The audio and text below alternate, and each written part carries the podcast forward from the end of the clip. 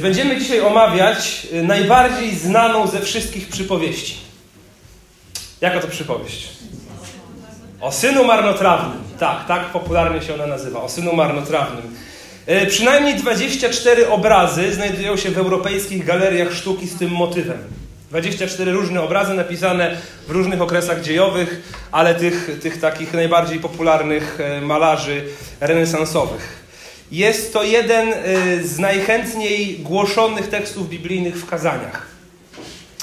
Y, ten motyw syna marnotrawnego, y, powracającego z bardzo złego miejsca i łaskawego ojca, bardzo często jest wykorzystywany w muzyce czy w filmach. Jest to bardzo dobrze znana historia i śmiem twierdzić, że zazwyczaj nie do końca zrozumiała. Że widzimy tylko połowę tej historii, zazwyczaj, a nie, nie dostrzegamy drugiej, chyba nawet ważniejszej niż ta pierwsza. Często właśnie ta przypowieść o synu marnotrawnym jest taką sentymentalną opowiastką o pokucie. Zgodzilibyście się z tym? E, sentymentalna opowiastka o pokucie, o, o, o, nawróceniu, o zawróceniu ze złej drogi. I powszechnie interpretuje się właśnie tę historię skupiając się na synu, który nie uszanował taty. Więc nawet tak mówimy, że jest to właśnie przypowieść o synu marnotrawnym, podczas gdy jest on tylko jedną tam z trzech e, ważnych postaci. E, I jeśli tam rzeczywiście jest ten z pierwszych synów, ale wydaje się, że nie jest on wcale ani sensem, ani sednem tej przypowieści. Dlatego uważam, że jest ona niezrozumiała, że tam sedno jest e, gdzie indziej. E, szczególnie często zapomina się właśnie o drugim z braci, tak jakby ta przypowieść skończyła się happy endem. Prawda? Ten syn tak zwany marnotrawny wrócił do domu, ojciec go przyjął, koniec. E, ale to nie jest koniec. Tam jest właśnie ta, ta Druga czy trzecia część znacznie ważniejsza, tak jak z historią Jonasza często. Historia Jonasza kończy się na tym, że Niniwa się nawróciła. I tak jakby nie było tego czwartego rozdziału, gdzie ten happy end jednak, jednak w jakimś sensie e, upada. E, pierwotni słuchacze słów Jezusa w zdecydowanej większości powiedzieliby, że jest to przypowieść o marnotrawnym ojcu i źle potraktowanym starszym synu. Więc kim byli ci pierwotni odbiorcy? Dlaczego mogliby powiedzieć, że jest to o marnotrawnym ojcu i źle potraktowanym starszym synu? I czy mieliby rację? Spróbujemy się dzisiaj przekonać. Więc mam nadzieję, że Was trochę zainteresowałem tym wstępem i tym, jak to, co, co w tej przypowieści się znajduje. Przypowieść ta jest zapisana w Ewangelii Łukasza w 15 rozdziale, e, w wersetach 11 do 32, ale zanim ten tekst przeczytamy, jeszcze chcę trochę tutaj nas wprowadzić w kontekst, gdzie jesteśmy w Ewangelii Łukasza. Chyba wiemy już o tym, ponieważ jesteśmy w tej Ewangelii od jakiegoś czasu, że Ewangelia Łukasza jest podzielona e, na takie części, które wyznacza, e, wyznacza to, jak Jezus się przemieszcza. Na części e, w ramach takich geograficznych. Więc zazwyczaj gdzieś pojawia się właśnie taki werset, że Jezus gdzieś się udał, i wtedy jest pewna zmiana tego, y, co się dzieje, tematów, które są omawiane, one tam są takie spójne motywy, i za jakiś czas znowu Jezus gdzieś idzie i pojawiają się inne, y, inne motywy. Y, I tak też jesteśmy tutaj. Ta część się zaczyna w rozdziale 13, wersecie 22, gdzie czytamy: I chodził po miastach oraz wioskach, nauczał, a zarazem zbliżał się do Jerozolimy. Więc jest to cały czas właśnie, że Jezus się przemieszcza, ale jego celem będzie Jerozolima. Więc tutaj czytamy, że chodził i przemieszczał się i kończy się ta część na rozdziale 17, wersecie 11, gdzie jest napisane Gdy tak podążali do Jerozolimy, przechodzili środkiem Samarii i Galilei. I to, co jest między 13:22 a 17:11, rzeczywiście można tam znaleźć bardzo spójne motywy w tym, czego Jezus naucza i w tym, przepraszam, co robi. Motywem tej części Ewangelii Łukasza jest przede wszystkim kwestia zbawienia i wieczności. I tak, gdybyśmy czytali od 13-11, trafilibyśmy y, po kilku wersetach y, na takie słowa: Zjawią się ludzie ze wschodu i z zachodu, z północy i z południa, zasiądą u stołu w Królestwie Bożym. W ten sposób niektórzy ostatni będą pierwszymi, a pierwsi ostatnimi. Gdybyśmy czytali znowu trochę dalej, za kilka wersetów mielibyśmy przypowieść o uczcie weselnej i słowa: Kto się wywyższa, będzie poniżony, a kto się poniża, będzie wywyższony. Potem mamy przypowieść o wielkim przyjęciu i o odrzuconych zaproszeniach, które zostały rozesłane do gości. Każdy z nich miał coś do roboty, więc przyszli ci, którzy zostali tak zawołani z ulicy i przyszli na tą ucztę. Więc cały czas jest obrót spraw. Ci, kto chcą być pierwsi, będą ostatni, ostatni będą pierwsi. Ci, co się wywyższają, będą poniżeni. Poni ci, ci, którzy są poniżani, będą wywyższeni. Później mamy y, słowa Jezusa o zwietrzałej soli, która traci smak i nadaje się do wyrzucenia na śmietnik. I zaraz po tym właśnie trafiamy na rozdział 15, który zaczyna się następującymi słowy. Łukasza 15, 1, 3. Garnęli się do niego wszyscy celnicy i inni grzesznicy, aby go słuchać. Faryzeusze natomiast oraz znawcy prawa szemrali z tego powodu i mówili: Ten człowiek przyjmuje grzeszników i jada z nimi. Wówczas Jezus opowiedział im taką przypowieść. Więc ta, ta przypowieść jest kierowana e, do faryzeuszy i celników, którzy szemrają. Do tej pory te przypowieści, które omawialiśmy, były kierowane do tłumu, a objaśnienia były kierowane do uczniów. Myślę, że to pamiętamy. Ta przypowieść skierowana jest tutaj bezpośrednio, widzimy, do e, faryzeuszy i do znawców prawa, którzy szemrali, że Jezus zajmuje się z grzesznikami. Mm. Więc odbiorcami tej przypowieści są faryzeusze. I e, faryzeusze i znawcy prawa, jak czytamy tutaj w tych pierwszych trzech wersetach, oburzali się, że Jezus przyjmuje grzeszników i jada e, z nimi i z celnikami. Więc Jezus łamał społeczne tabu. Wspólne spożycie posiłku po dziś dzień w kulturze bliskowschodniej oznacza akceptację, oznacza przyjęcie e, kogoś, e, legitymizuje jedną osobę, jedną stronę przez drugą. Więc posiłek to nie jest tylko jedzenie, to jest coś, coś więcej. I Jezus kieruje trzy, serię trzech przypowieści do faryzeuszy. Pierwsza przypowieść zaczyna się w wersecie czwartym i jest to przypowieść o zgubionej owcy. Myślę, że dobrze ją znamy. Pasterz zostawia 99 owiec bezpiecznych i idzie znaleźć tę, która zaginęła, przyprowadza ją i, i kiedy ją właśnie już przyprowadzi, yy, zwołuje swoich sąsiadów i mają tam wielką ucztę. Więc tak jak ten motyw uczty już tej, w, tej, części, w tej części Ewangelii Łukasza przewija się stale. I Jezus mówi, podobnie w niebie będzie e, większa radość z jednego skruszonego grzesznika niż z 99 sprawiedliwych, którzy nie potrzebują opamiętania. Zaraz później e, mówi przypowieść o e, wdowie, która, czy kobiecie, która zgubiła drogocenną monetę. I gdy ją znalazła, zwołała swoje przyjaciółki, aby cieszyły się razem z nią. I Jezus mówi: Mówię wam, podobnie aniołów bożych ogarnia radość z powodu jednego skruszonego grzesznika. Te dwie przypowieści krótkie pewnie nie były specjalnie szokujące, no bo kto by się nie cieszył z tego, że coś znalazł? Każdy pasterz cieszy się z tego, że znajdzie owce. Każdy, kto zgubi pieniądze, cieszy się, jak je odnajdzie. Na pewno każdy z Was tego doświadczył. E, nie były one szokujące. Myślę, że faryzeusze się z nimi zgadzali, ale te dwie przypowieści krótkie przygotowywały na tę trzecią, którą będziemy teraz omawiać. Która jest znacznie bardziej rozbudowana i która ma już zastosowanie skierowane do nich. Mam nadzieję, że Was nie zgubiłem w tym kontekście, y, ale raczej osadziłem w tym, co się tutaj dzieje i czytamy następujące słowa Łukasza 15, 11 do 32. Powiedział też, pewien człowiek miał dwóch synów. Młodszy z nich zwrócił się do ojca: Ojcze, daj mi część majątku, która na mnie przypada. Ojciec zatem podzielił między synów dorobek swego życia. Krótko potem młodszy syn spieniężył wszystko, wyjechał daleko, prowadził rozwiązły tryb życia i roztrwonił majątek. Gdy wszystko stracił, w kraju, gdzie przebywał, nastał wielki głód. Wówczas i jemu zaczął doskwierać niedostatek.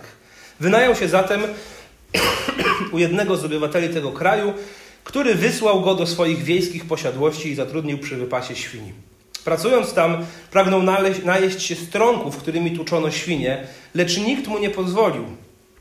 Wtedy przypomniał, wtedy oprzytomniał. Iluż to najemników mego ojca, pomyślał, ma chleba pod dostatkiem, a ja tu z głodu ginę. Wracam do ojca. Powiem mu, ojcze, zgrzeszyłem względem Boga oraz względem ciebie. Nie jestem już godny nazywać się twoim synem. Przyjmij mnie do pracy jako jednego ze swoich najemników. Wstał więc i ruszył w drogę. Gdy był jeszcze daleko, ojciec zobaczył go i zdjęty litością wybiegł naprzeciw. Rzucił mu się na szyję i ucałował go. Ojcze, rozpoczął syn, zgrzeszyłem względem Boga oraz względem Ciebie. Nie jestem już godny nazywać się Twoim synem. Ojciec zaś zwrócił się do sług. Przynieście czym prędzej najlepszą szatę i ubierzcie go. Włóżcie pierścień na jego rękę i sandały na nogi. Wybierzcie też dorodne ciele. Przyrządźcie na, przyrządźcie na ucztę. Zasiądźmy do stołu i uczcijmy to. Że ten oto mój syn był martwy, a jednak ożył. Był zgubiony, lecz odnalazł się i zaczęto się bawić. Ale to nie koniec. Starszy syn tymczasem pracował w polu. Gdy wracał i był blisko domu, usłyszał muzykę i odgłosy tańców. Przywołał więc jednego z młodszych służących i zapytał, co się dzieje. Wrócił twój brat, usłyszał. Twój ojciec kazał zabić dorodne ciele i cieszy się, że odzyskał go zdrowego. Starszy syn wpadł w gniew. Nawet nie chciał wejść do domu. Wtedy ojciec wyszedł i zaczął go uspokajać, ale on był nieprzejednany. Służę ci od lat, wypomniał, szanuję każdy twój rozkaz, a ty nigdy nie dałeś mi choćby koźlątka, bym się zabawił z przyjaciółmi. Lecz jednak zjawił się ten twój syn, który z dziwkami roztrwonił twój dorobek, natychmiast kazałeś zabić dorodnego cielaka. Wtedy ojciec powiedział do niego: Dziecko, ty zawsze jesteś ze mną i wszystko moje jest twoje. To dobrze, że bawimy się i cieszymy, bo widzisz, ten twój brat był martwy a jednak ożył. Był zgubiony, lecz odnalazł się. Panie, prosimy, poprowadź nas teraz przez ten fragment, który chcemy omówić, zrozumieć, zastosować do naszego życia. Boże, ustrzeż nas przed tym, aby nikt z nas nie okazał się ani tym młodszym, ani tym starszym synem, ale abyśmy byli y, dziećmi Bożymi, które cieszą się z radości z przebywania z Ojcem. Panie, jeśli są w naszym życiu jakieś grzechy związane właśnie, czy reprezentowane przez tego jednego czy drugiego syna, proszę Panie, przez swojego ducha poruszaj nas w czasie tego kazania. E, pokaż nam to, abyśmy mogli się opamiętać i wyznać się Tobie. Nakarm nas, prosimy, swoim e, życiodajnym słowem. Amen. Mamy zatem ojca, który ma dwóch synów. E, młodszy z tych synów zażyczył sobie część majątku, która na niego przypada. Innymi słowy, zażyczył sobie spadek, jaki powinien mu przypaść w udziale po ojcu, i zażyczył, sobie tego spadku za życia swojego taty. Więc ten syn wysyła sygnał ojcu, mówiąc: Dobrze by było, jakbyś już umarł, bo ja mam pomysł na Twoje pieniądze. Daj mi tą część, która na mnie przypada. Ojciec nie był mu potrzebny, potrzebna była mu kasa. Chciał się zabawić. I czytamy, że ojciec, co zaskakujące, jak ktoś jest ojcem i usłyszałby taką chyba prośbę od swoich dzieci, ojciec podzielił swój majątek między synów i przekazał każdemu e, część, czy przekazał młodszemu synowi część, która na niego przypada. Oczywiście, aby przekazać jemu to, tę część, musiał sam siebie pozbawić tego. Więc pewnie pracował na to całe życie. Może to były właśnie, może to była jakaś ziemia, może jakieś nieruchomości, nie wiemy co to było, ale spieniężył swój majątek i dał pieniądze synowi, albo zapisał to synowi, a syn to spieniężył, to co było ciężko zapracowane przez ojca. Ten syn młodszy to sprzedał. Ojciec oglądał, jak ktoś inny pewnie skorzysta z tego, co on jako ojciec wypracowywał, a co syn sprzedał. Yy i y, ten młodszy syn udał się do dalekiego kraju, żeby tam przehulać lata ojcowskiej pracy. Tak jak tydzień temu mieliśmy przypowieść o przedsiębiorczym człowieku, tak tutaj mamy człowieka zupełnie bezmyślnego, jeśli chodzi o kwestie finansowe. I po jakimś czasie czytaliśmy, że w tym kraju, gdzie ten młody człowiek się znajdował, nastał głód, on wszystkie pieniądze roztrwonił, bieda zajrzała mu do oczu, musiał najmować się przy wypasie świni. I oczywiście, jeśli ktoś czyta Biblię od dłuższego czasu, wie doskonale, że dla Żydów coś takiego było absolutną obrzydliwością. Dotykać świni było obrzydliwością, przybywać przy świni było obrzydliwością, a on je wypasał i czytamy, że był tak głodny, że nawet chciał jeść to, co jadły świnie. Można by powiedzieć, że sam zaczął stawać się jak świnia. Ale nie pozwalano mu tego jeść. Postanowił więc wrócić do ojca. I jedyną opcję, jaką widział, to to, że z jakiegoś powodu może jego tato się nad nim zlituje i zatrudni go przynajmniej jako swojego najemnika. I nie było to udawane. Myślę, że znowu, jeśli jesteście rodzicami, pewnie doświadczyliście czasami takiej, tego, że dzieci przepraszają, ale tak wiecie, przepraszają nie dlatego, że czują skruchę, ale coś tam jest do ugrania. Lepiej przeprosić i mieć spokój. To on tutaj nie ma tego podejścia. Y, polskie tłumaczenia mówią, że on wejrzał w siebie, albo że on oprzytomniał, albo że on opamiętał się. Więc naprawdę go naszła taka e, prawdziwa refleksja nad swoim stanem i naprawdę był gotowy, aby prosić ojca o to, aby ten uczynił go najemnikiem. Tu nie ma, tu nie ma żadnych ukrytych e, intencji. I rzeczywiście ruszył w drogę. I czytamy w wersecie 20, że gdy był jeszcze daleko, ojciec zobaczył go i zdjęty litością wybiegł naprzeciw. Rzucił mu się na szyję i ucałował go. Więc jego tato go wyglądał. Patrzył, czy ten syn wraca. I gdy tylko zobaczył, z oddali pobiegł do niego, rzucił się na szyję i ucałował. I wtedy ten młodszy syn mówi: Ojcze, werset 21, zgrzeszyłem względem Boga oraz względem Ciebie. Nie jestem już godny nazywać się Twoim synem. Być może wydawałoby się nam na taki, cudzysłowie, chłopski rozum, że jak syn najpierw powie: Ojcze, zgrzeszyłem przeciwko niebu i przeciwko Tobie, to wtedy ojciec rozważy, czy to jest prawdziwa skrucha i przyjmie go albo i nie do domu. Ale to nie syn tutaj ma. Nie syn jest pierwszą stroną, która, e, która przychodzi z pojednaniem. To ojciec jest tą pierwszą stroną. Gdy syn był jeszcze daleko, jeszcze żadnego zdania nie powiedział. Ten ojciec wybiegł do niego i rzucił mu się na szyję i ucałował go. I syn, myślę, że tym bardziej poruszony ojcowską miłością, wypowiada to zdanie: Ojcze, zgrzeszyłem względem Boga i względem Ciebie, nie jestem nazywa, godny nazywać się Twoim synem. Więc to nawet na taką, wiecie, naszą ludzką sprawiedliwość, to no to tak nie powinno być, no. Jakby nasze dziecko tak zrobiło, no to właśnie pytanie, czego my byśmy oczekiwali? Że ono chyba najpierw jak przyjdzie i przeprosi, to się pojednamy. Tutaj ojciec wychodzi z tą inicjatywą. Jest odwrotnie. Więc już w tym, w tym akcie y, możemy zobaczyć, że sensem przypowieści nie jest syn. Sensem przypowieści, jeśli już jest ojciec. Bo pamiętacie, co było w tych dwóch wcześniejszych przypowieściach? Zagubiona owca, której szukał pasterz. Sensem tam nie jest owca, tylko pasterz, który ją odnalazł. Jest kobieta, która szuka monety to, i się raduje z tego, że ją znalazła. I tak tutaj mamy ojca, który odnalazł, który przyjął swojego syna. Bohaterem tej przypowieści zdecydowanie jest ojciec. Ojciec zwrócił się do sług, werset 22. Przynieście czym prędzej najlepszą szatę i ubierzcie go. Włóżcie pierścień na jego rękę i sandały na nogi. Wybierzcie też dorodne ciele, przyrządźcie na ucztę. Zasiądźmy do stołu i uczcijmy to. Że ten oto mój syn był martwy, a jednak ożył i był zgubiony, lecz odnalazł się i zaczęto się bawić.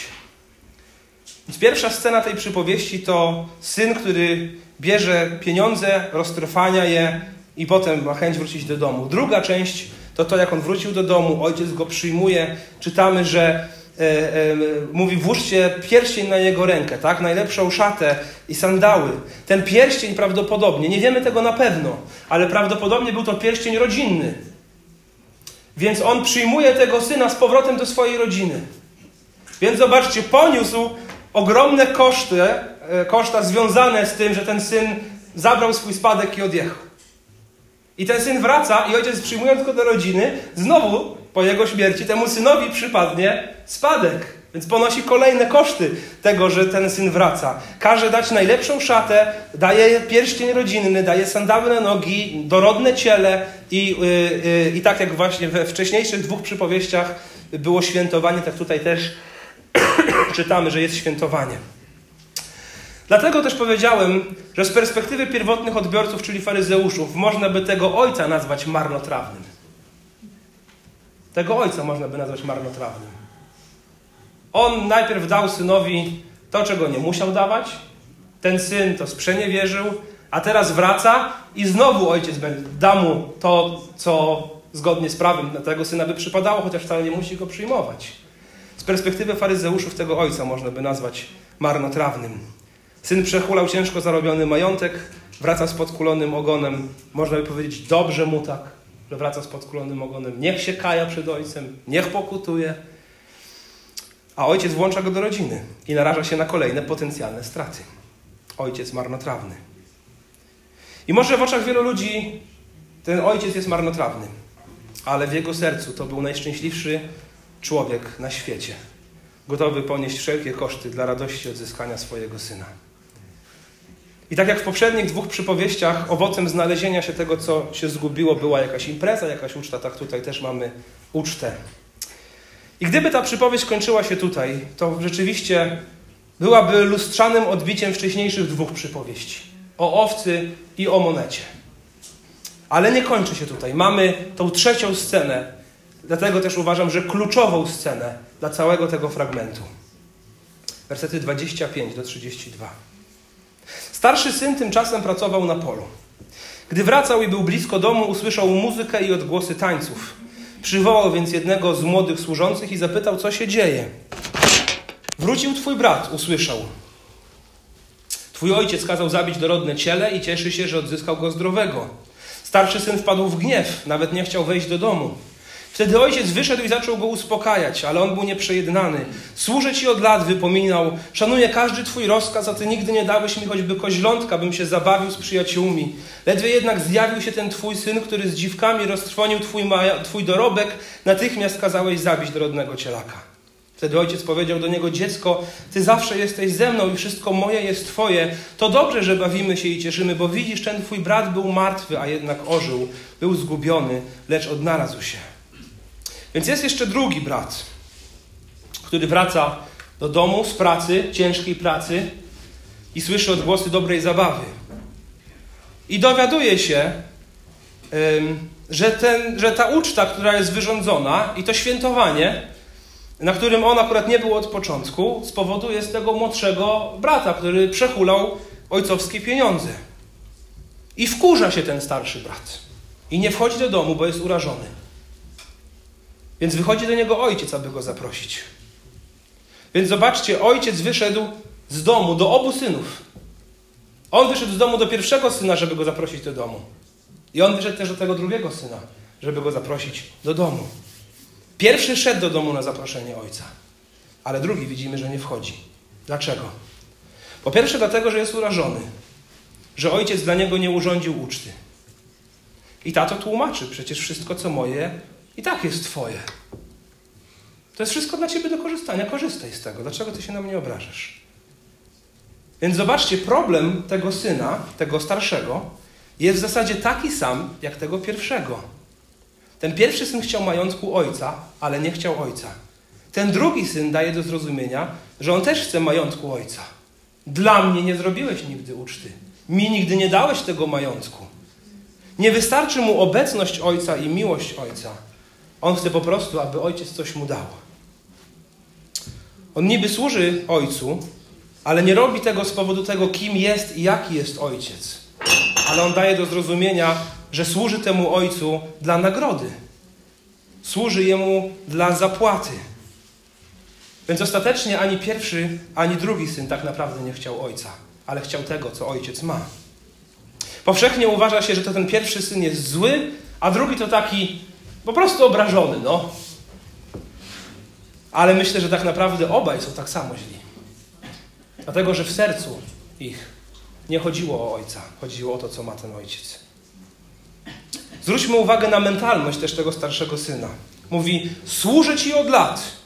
Wypomniał. Szanuję każdy twój rozkaz. To jest mentalność niewolnika, a nie syna. Mentalność kogoś, kto chce się przypodobać swojemu Panu jakością swojej pracy. Tu nie ma miłości do Ojca. Tu nie ma synowskiej miłości. Tu jest układ biznesowy.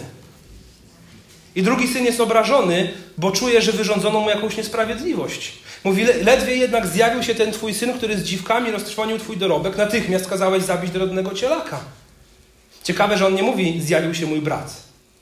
Tylko mówi, zjawił się ten twój syn, który z dziwkami roztrwonił majątek. Wybrałem ten przekład właśnie na to mocne tutaj słowo, bo rzeczywiście w oryginale jest mocne słowo, które zazwyczaj w polskich Bibliach jest bardzo wygładzone. A tutaj ta przypowieść ma wzbudzić szok. I, i jak już czytałem, usłyszałem tutaj taki lekki szok. Więc niech, niech ten szok tutaj jest. On tak rzeczywiście, tu są mocne słowa użyte. Bo on się oburza. Zobaczcie, czy ten werset nie brzmi jak echo wersetu drugiego. wersecie drugim czytaliśmy, że znawcy prawa i faryzeusze szemrali. Mówili, ten człowiek przyjmuje grzeszników i jada z nimi. Tak ten syn tutaj mówi. Zjawia się ten twój brat, który właśnie z dziwkami roztrwania majątek, a ty już każesz zabić drobnego cielaka. To nie wypada tak. Nie wypada tak robić. Jak można takiego grzesznika przyjąć? Więc postępowanie ojca w oczach tego starszego syna jest zbyt, zbyt miękkie. Ojciec jest, jego zdaniem, zbyt pobłażliwy. Zachowuje się niesprawiedliwie wobec tego, który tak bardzo się stara. I cała przypowieść kończy się następującym zdaniem. Dziecko, ty zawsze jesteś ze mną i wszystko moje jest twoje. To dobrze, że bawimy się i cieszymy, bo widzisz, ten twój brat był martwy, a jednak ożył. Był zgubiony, lecz odnalazł się. I wydaje się, że Jezus zadaje pytanie faryzeuszom. Ojciec daje do zrozumienia temu synowi: chodź do domu i ciesz się razem z nami. Nie wiemy, czy ten starszy syn wchodzi. Na pewno nie jest tutaj to zapisane, że wchodzi. I te słowa chyba mają poruszyć faryzeuszy. I Jezus się pyta: wejdziecie do domu ojca, czy nie? Bo ci grzesznicy i celnicy wchodzą, a wy się obrażacie. Pamiętacie ten kontekst, w jakim osadzona jest ta przypowieść? To, co się dzieje w tej części Ewangelii Łukasza? Starszy brat i ci faryzeusze, do których to było powiedziane. Dwa rozdziały wcześniej Jezus powiedział: Ten, kto być pierwszy, ten, kto chce być pierwszy, stanie się ostatnim. To oni tutaj chcą być pierwszymi docenionymi za swoją pracę. A tak naprawdę stają się ostatnimi, nie wchodzą do Królestwa Bożego. Ten starszy brat i ci faryzeusze to ci, którzy się wywyższają, ale zostaną poniżeni. Ten starszy brat i ci faryzeusze to sól, która straciła smak. A jednocześnie kilka wersetów wcześniej, kilka razy tutaj była w tej części mowa o wielkiej uczcie. Starszy brat mógł tam wejść, ale sam siebie postanowił wykluczyć z uczestnictwa w tej uczcie. I okazuje się, że to tak naprawdę on jest tym zagubionym synem. Nie ten pierwszy. On jest tym, który się zgubił i nie wraca. Pytanie, co zrobił faryzeusze? Ta przypowieść na pewno wywołała szok w słuchających. Na 100%. Bo wywołuje szok również w nas. Jak się tak nad nią poważnie zastanowić, słyszeliśmy ją wiele razy, więc znamy dobrze te obrazy, ale jeśli zastanowić się nad tym, jak ten ojciec się zachowuje, jak ten starszy syn się zachowuje, no to, no to ma on trochę racji, tak po naszemu. Tak by się wydawało. Ta przypowieść ma wywołać szok i cieszę się, że w nas wywołuje szok. Dlatego, że mówiłem o tym na pierwszym kazaniu tutaj w tej, w tej sali. Jeszcze w taki sposób inny siedzieliśmy. To była ta, ta, ta, ta ściana taka główna. E, mówiłem o tym wtedy, że tak uważam, można się oczywiście ze mną nie zgadzać, że największym zagrożeniem dla e, konserwatywnie wierzących ewangelikalnych chrześcijan jest właśnie legalizm. Tak mi się wydaje. Jest bazowanie swojego zbawienia na podstawie tego, co ja robię dla Boga. Uważam, że nam w większości, oczywiście zagraża nam mentalność pierwszego syna, który roztrwania pieniądze, yy, ale myślę, że w większości z nas, mi na pewno, i muszę się co jakiś czas z tego opamiętywać, znacznie częściej zagraża postawa drugiego brata niż tego pierwszego. Yy, wielu ludzi spotkałem w ewangelikalnych zborach, w których byłem, co do których, kiedy z nimi rozmawiałem o Ewangelii, obawiałem się tego, że nie są ludźmi zbawionymi. Chociaż całe życie chodzili do zborów. Ale jak z nimi rozmawiać, zbawienie dla nich było rzeczą ich uczynków i dobrej teologii. Tak jak powiedziałem, uważam, że ja co jakiś czas tego potrzebuję opamiętania. Timothy Keller, y, prezbiteriański pastor i teolog, który zmarł w zeszłym roku, napisał książkę na temat tej przypowieści. Jest ona wydana też w języku polskim, nazywa się właśnie Bóg marnotrawny. I można w tej książce znaleźć następujący cytat. Keller mówi: Istnieją dwa sposoby, aby człowiek stał się swoim własnym zbawicielem i panem. Pierwszy z nich to łamanie wszelkich moralnych praw i wyznaczanie własnej ścieżki. Drugi zachowywanie wszystkich moralnych praw i bycie w swoich oczach bardzo dobrym. Myślę, że to prawdziwe zdanie. Istnieją dwa sposoby, by człowiek stał się swoim własnym zbawicielem i panem. Pierwszy z nich to łamanie wszelkich moralnych praw i wyznaczanie własnej ścieżki. Drugi zachowywanie wszystkich moralnych praw i bycie bardzo dobrym we własnych oczach. Rzeczywiście w obu tych przypadkach to człowiek jest własnym Panem i Zbawicielem. I w jednym i w drugim przypadku stawia siebie w centrum swojego życia. Jeden chce się dobrze zabawić, drugi chce uchodzić za dobrego. Dziękuję. Chce uchodzić za dobrego w swoich własnych oczach i chce być podziwiany przez innych. I Keller w swojej książce pisze o kilku sposobach, na jakie może się objawiać to, że zagraża nam mentalność tego starszego brata. I chciałbym te cztery y, przykłady, o których on mówi, poruszyć, więc zaznaczam, że to ja na to nie wpadłem, ale sam się czuję poruszony przez to, co napisał Keller, więc chcę Wam je przytoczyć y, jako dobre zastosowanie dla nas, do rozważenia. Co charakteryzuje starszych braci w zborach? Starszych braci, tych, którzy właśnie tak z, tych, z, tych, z tej przypowieści w naszych zborach. Starsi bracia uważają, że Bóg powinien im błogosławić w nagrodę za ich poświęcenie i pracę dla Niego. Widzimy w tej przypowieści, że starszy syn się rozgniewał na ojca, gdy ten nie postąpił tak, jak należało, wedle tego, czego starszy brat oczekiwał. Czy nie jest tak, że gniewamy się na Boga za to, że On nie daje nam tego, czego byśmy oczekiwali, a co uważamy, że nam się należy po tylu latach y, życia dla Niego, rzekomo, albo służenia Jemu? Po takich poświęceniach dla Niego. Tyle lat Tobie, Panie Boże, służę, a inni mają więcej pieniędzy, mają lepsze domy, mają lepsze zdrowie, mają bardziej udane małżeństwo, mają lepiej ułożone dzieci itd., itd., itd. Panie Boże, tyle lat Tobie służę, dałbyś mi już to, co powinieneś mi dać, bo ja się zacharowuję dla Ciebie. I gniewamy się na Boga, że On nie daje nam tego, co uważamy, że powinien nam dać za nasze poświęcenie. Po drugie, w jaki sposób to, ta, to nastawienie starszego brata w nas się może objawiać. Starsi bracia budują swój wizerunek w oparciu o swoją moralność i pracowitość dla Boga. I chcą, aby inni widzieli w nich Bożych ludzi i podziwiali za to, jacy oni są. Więc kierują swoje i cudze oczy na siebie i czują się lepsi od innych ludzi, bo mają bardziej poukładaną teologię, chodzą do lepszego zboru, patrzą na innych z góry z poczuciem wyższości, bo ich życie wydaje się być bardziej moralne.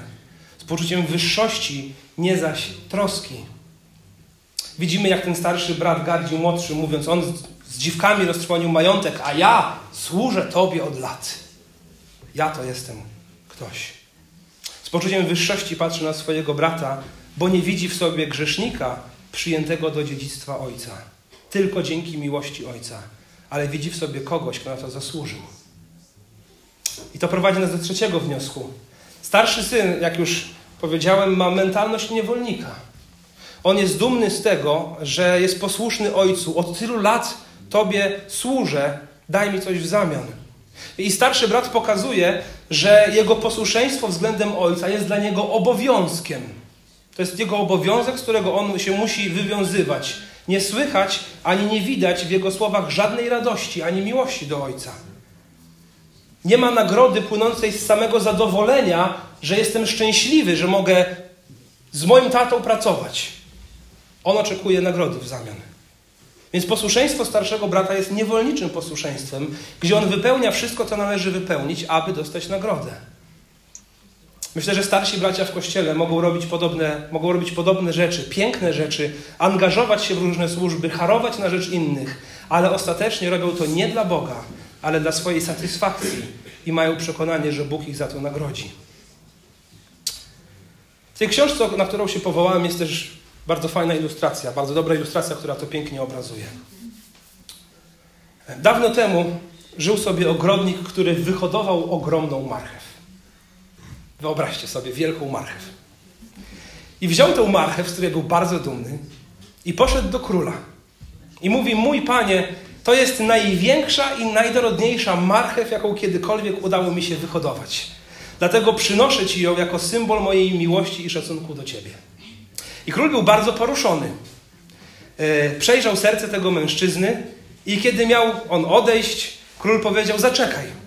Naprawdę jesteś dobrym zarządcą ziemi. Posiadam pole zaraz obok twojego. Chcę ci je dać w prezencie, abyś mógł je uprawiać. Ogrodnik był zdumiony, zachwycony i wrócił do domu rozradowany. I w tym samym czasie na dworze był również szlachcic, który podsłuchał całą tą rozmowę i pomyślał, jeśli tyle można dostać za marchew, to co, co by było, jakbym przyniósł królowi coś lepszego.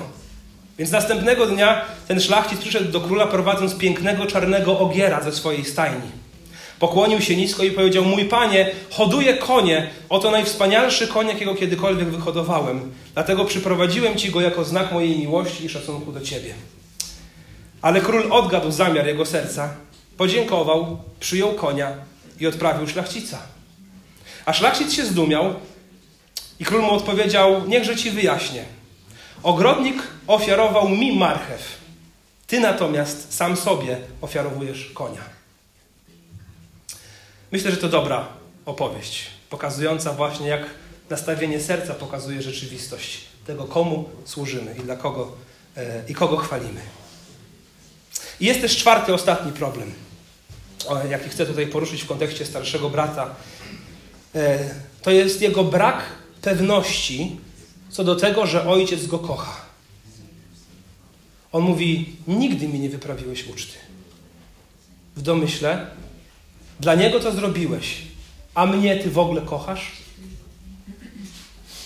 Myślę, że w, życiach, e, w życiu starszych braci e, często tę, tą niepewność, jeśli chodzi o, o, o, brak miłości ojca, e, niepewność co do tego, czy ojciec mnie kocha, widać to często w modlitwach. Że te modlitwy nie wyglądają jak rozmowy dziecka z rodzicem, tylko bardziej przypominają spotkanie biznesowe.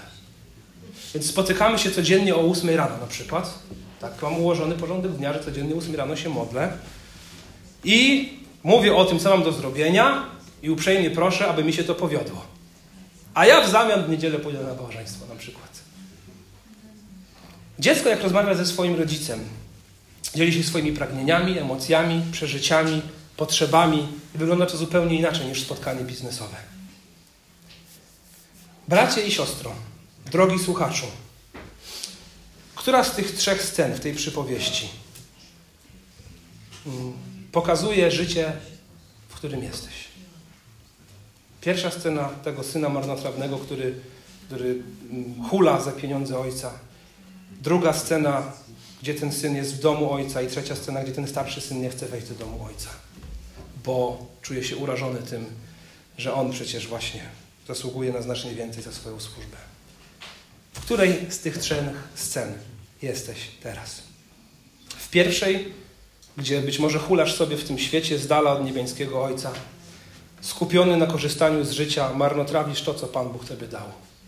Może swoją młodość, może swoje pieniądze, może swoje talenty. I być może Pan Bóg przez to kazanie woła do Ciebie, abyś przyszedł do domu Ojca i zażywał prawdziwej radości życia z Nim, zamiast stawać się świnią w tym świecie.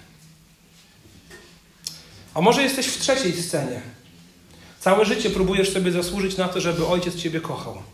Jesteś dumny, dumna ze swojej moralności, z tym, z jakimi rzeczami sobie w życiu poradziłeś. I niby ze smutkiem w sercu patrzysz na to, jak stacza się ten świat, ale tak naprawdę w sercu triumfujesz, że jesteś lepszy od innych, bo pracujesz na swoją nagrodę.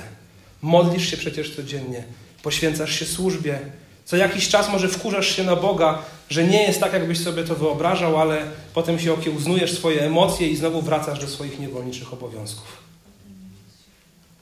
Jeśli jesteś gdzieś w jednej z tych dwóch scen, to wiedz, że jesteś w bardzo złym miejscu, a być może tego nie dostrzegasz.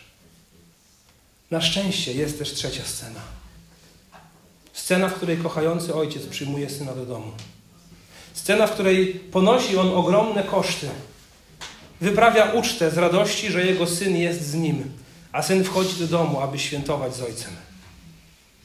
Więc drodzy, jeśli jesteście tymi, którzy dzięki Jego miłości wchodzą do tego domu, to rzeczywiście, dopóki tam nie wejdziemy w pełni, nie tylko naszą duszą, ale i naszym ciałem, żyjmy i cieszmy się z rodzinnej relacji, do której zaprosił nas sam Bóg, ponosząc ogromne koszty z tym związane.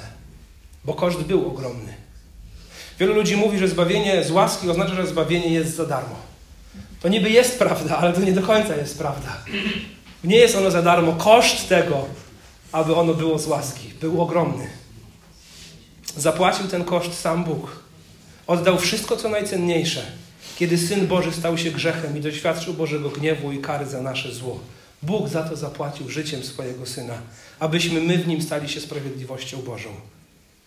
Więc jeśli jesteś w tej pierwszej albo w tej drugiej scenie, to skorzystaj z tego, co dzisiaj słyszysz, z tych wersetów, które kieruje do ciebie Pan Bóg z Ewangelii Łukasza. Bo być może On przez to kazanie zaprasza Ciebie do swojego domu. Czy jesteś gotowy zostawić powierzchowne radości tego świata, aby doświadczyć prawdziwej radości Ojca?